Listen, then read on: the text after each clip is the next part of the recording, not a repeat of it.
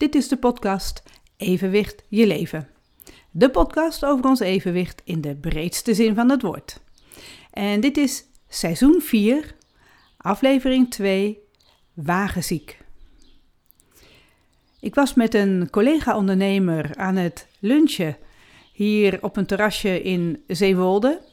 Omdat het lekker weer was, gingen we ook lekker buiten zitten. En zij vertelde over haar dochter, die heel erg opziet tegen de vakantie.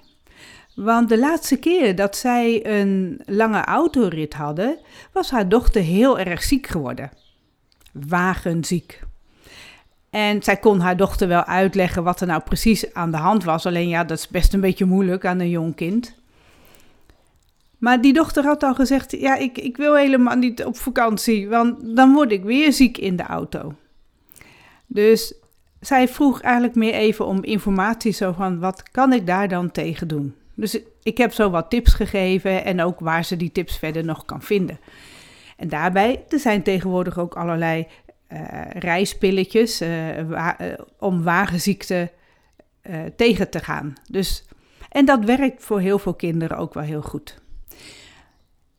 En toevallig stond het ook in de kampioen, het blad, het magazine van de ANWB. Wagenziek.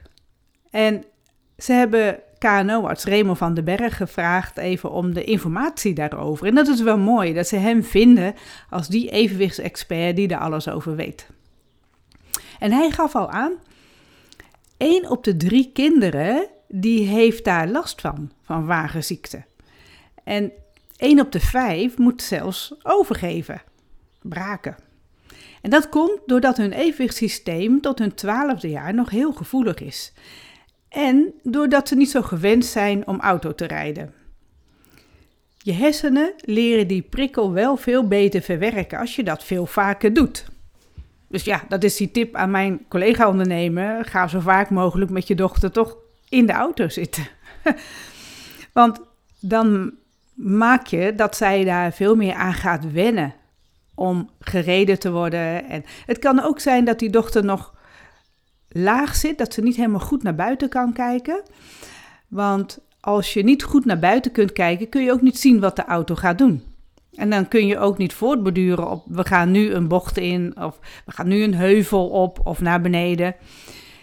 En als je dat wel kan zien, dan is dat al een heel stuk makkelijker. Mensen die ook zelf rijden, hebben nooit last van wagenziekte. Want dan heb je gewoon de controle zelf over de auto. Je weet precies waar je allemaal naartoe gaat. Dus het kan best zijn dat mensen die wagenziek zijn, op het moment dat ze zelf rijden, daar dus ook nooit last van hebben. Dus ja, dan zou je eigenlijk moeten zeggen van leer zelf rijden. Nou heb ik in het uh, boek Evenwicht in uitvoering, heb ik toen iemand geïnterviewd. In dit geval Jolanda. 53 jaar. Zij is al volwassen, maar zij is altijd nog wagenziek. En het vermoeden is al, ik heb met haar daarna nog weer over gesproken, ook toen ze dat verhaal verteld had. Zij heeft pas op late leeftijd, uh, is zij in een auto gaan rijden. Ze woonde toen in het buitenland en zij hadden helemaal in hun familie geen auto. Zij is pas met, nou, een jaar of tien of zo voor de eerste keer in een auto gestapt.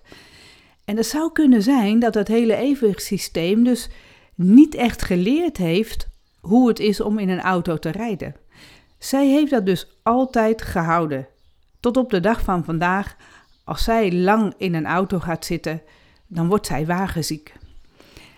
En ik wil dat verhaal even voorlezen. Het is hoofdstuk 19, ter land.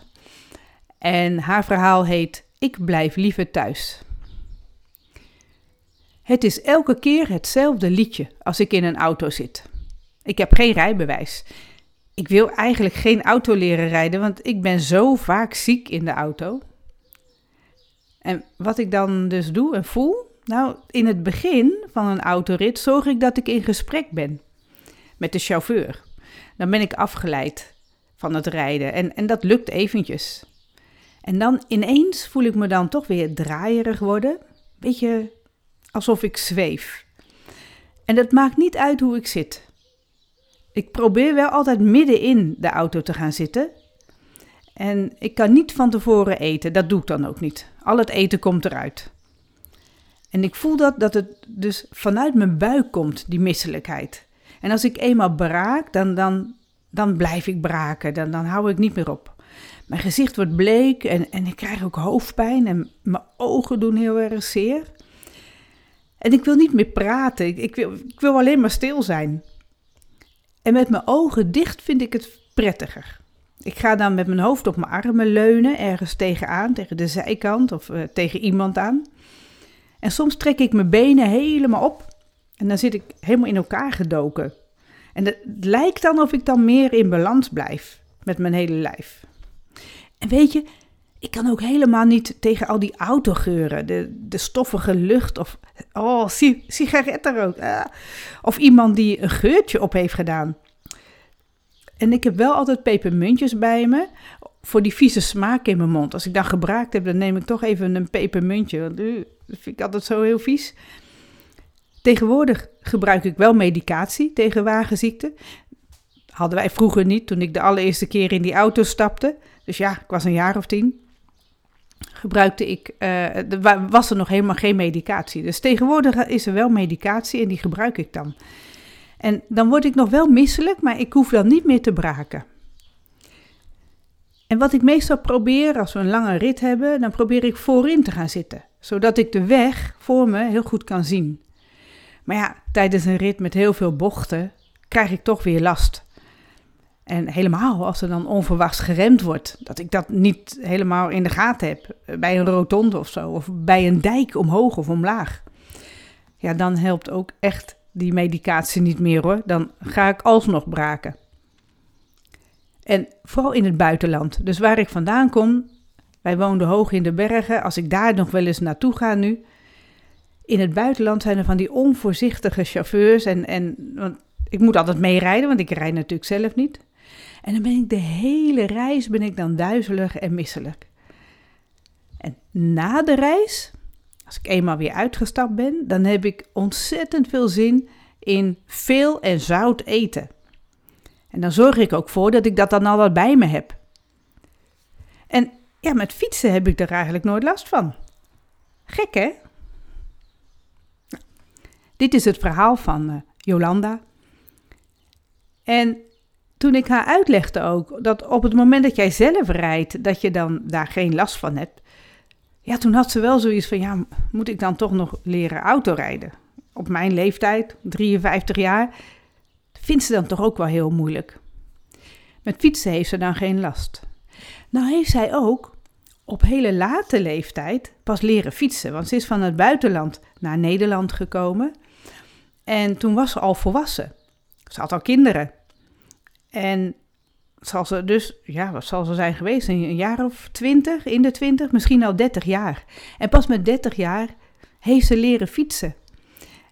En dat vond ze ook heel moeilijk als het gaat over van hoe je moet sturen, hoe je, nou ja, je überhaupt rechtop moet houden op die fiets. Maar naarmate ze dat vaker deed, is dat dus ook gelukt. En ja, daar is ze natuurlijk ook nooit ziek van. Dan zit je natuurlijk ook op de fiets nooit in een cabine. Je hebt nooit al die luchtjes om je heen die dan in een auto wel zijn. En je hebt natuurlijk dat je zelf alles onder controle hebt. Nou, fietsen ook niet heel hard hoor, want ik zie ook hoe ze opstapt, met hoeveel moeite dat nog wel gaat. Maar ze kan fietsen en ze kan dus zelf overal komen met die fiets, zo in de omgeving. Dus dat is wel heel prettig. Ja, en dan dus wagenziekte heeft eigenlijk een andere naam. Het is bewegingsziekte.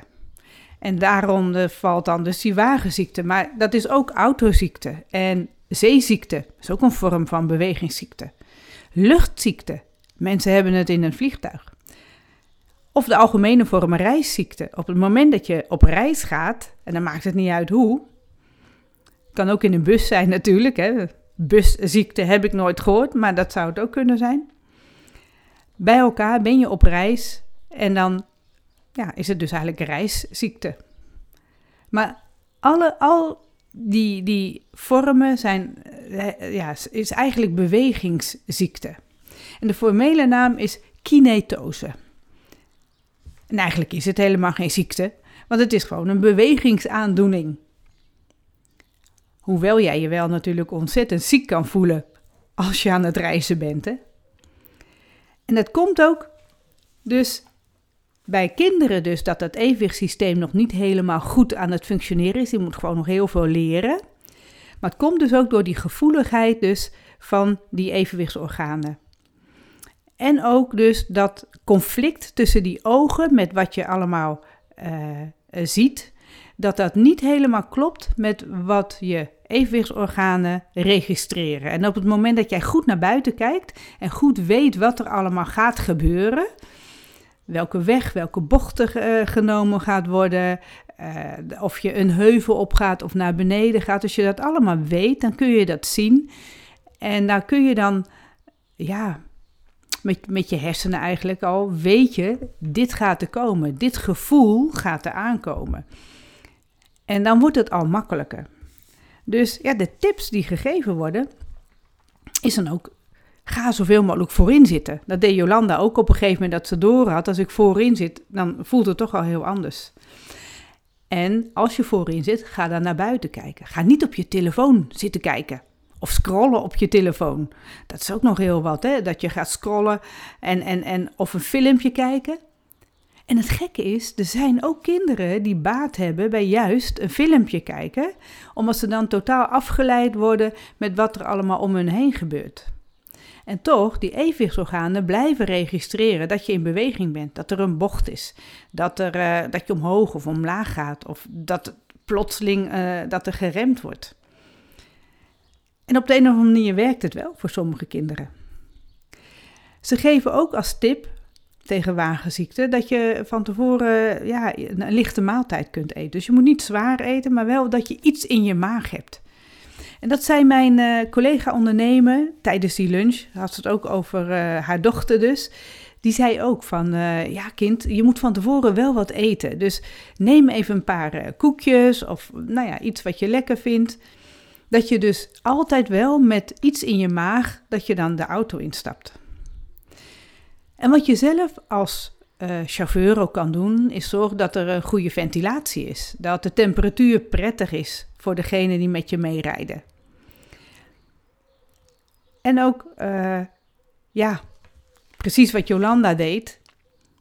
Als zij in de auto ging, gaat zitten, dan gaat ze proberen een praatje aan te knopen met de chauffeur of met een medereiziger.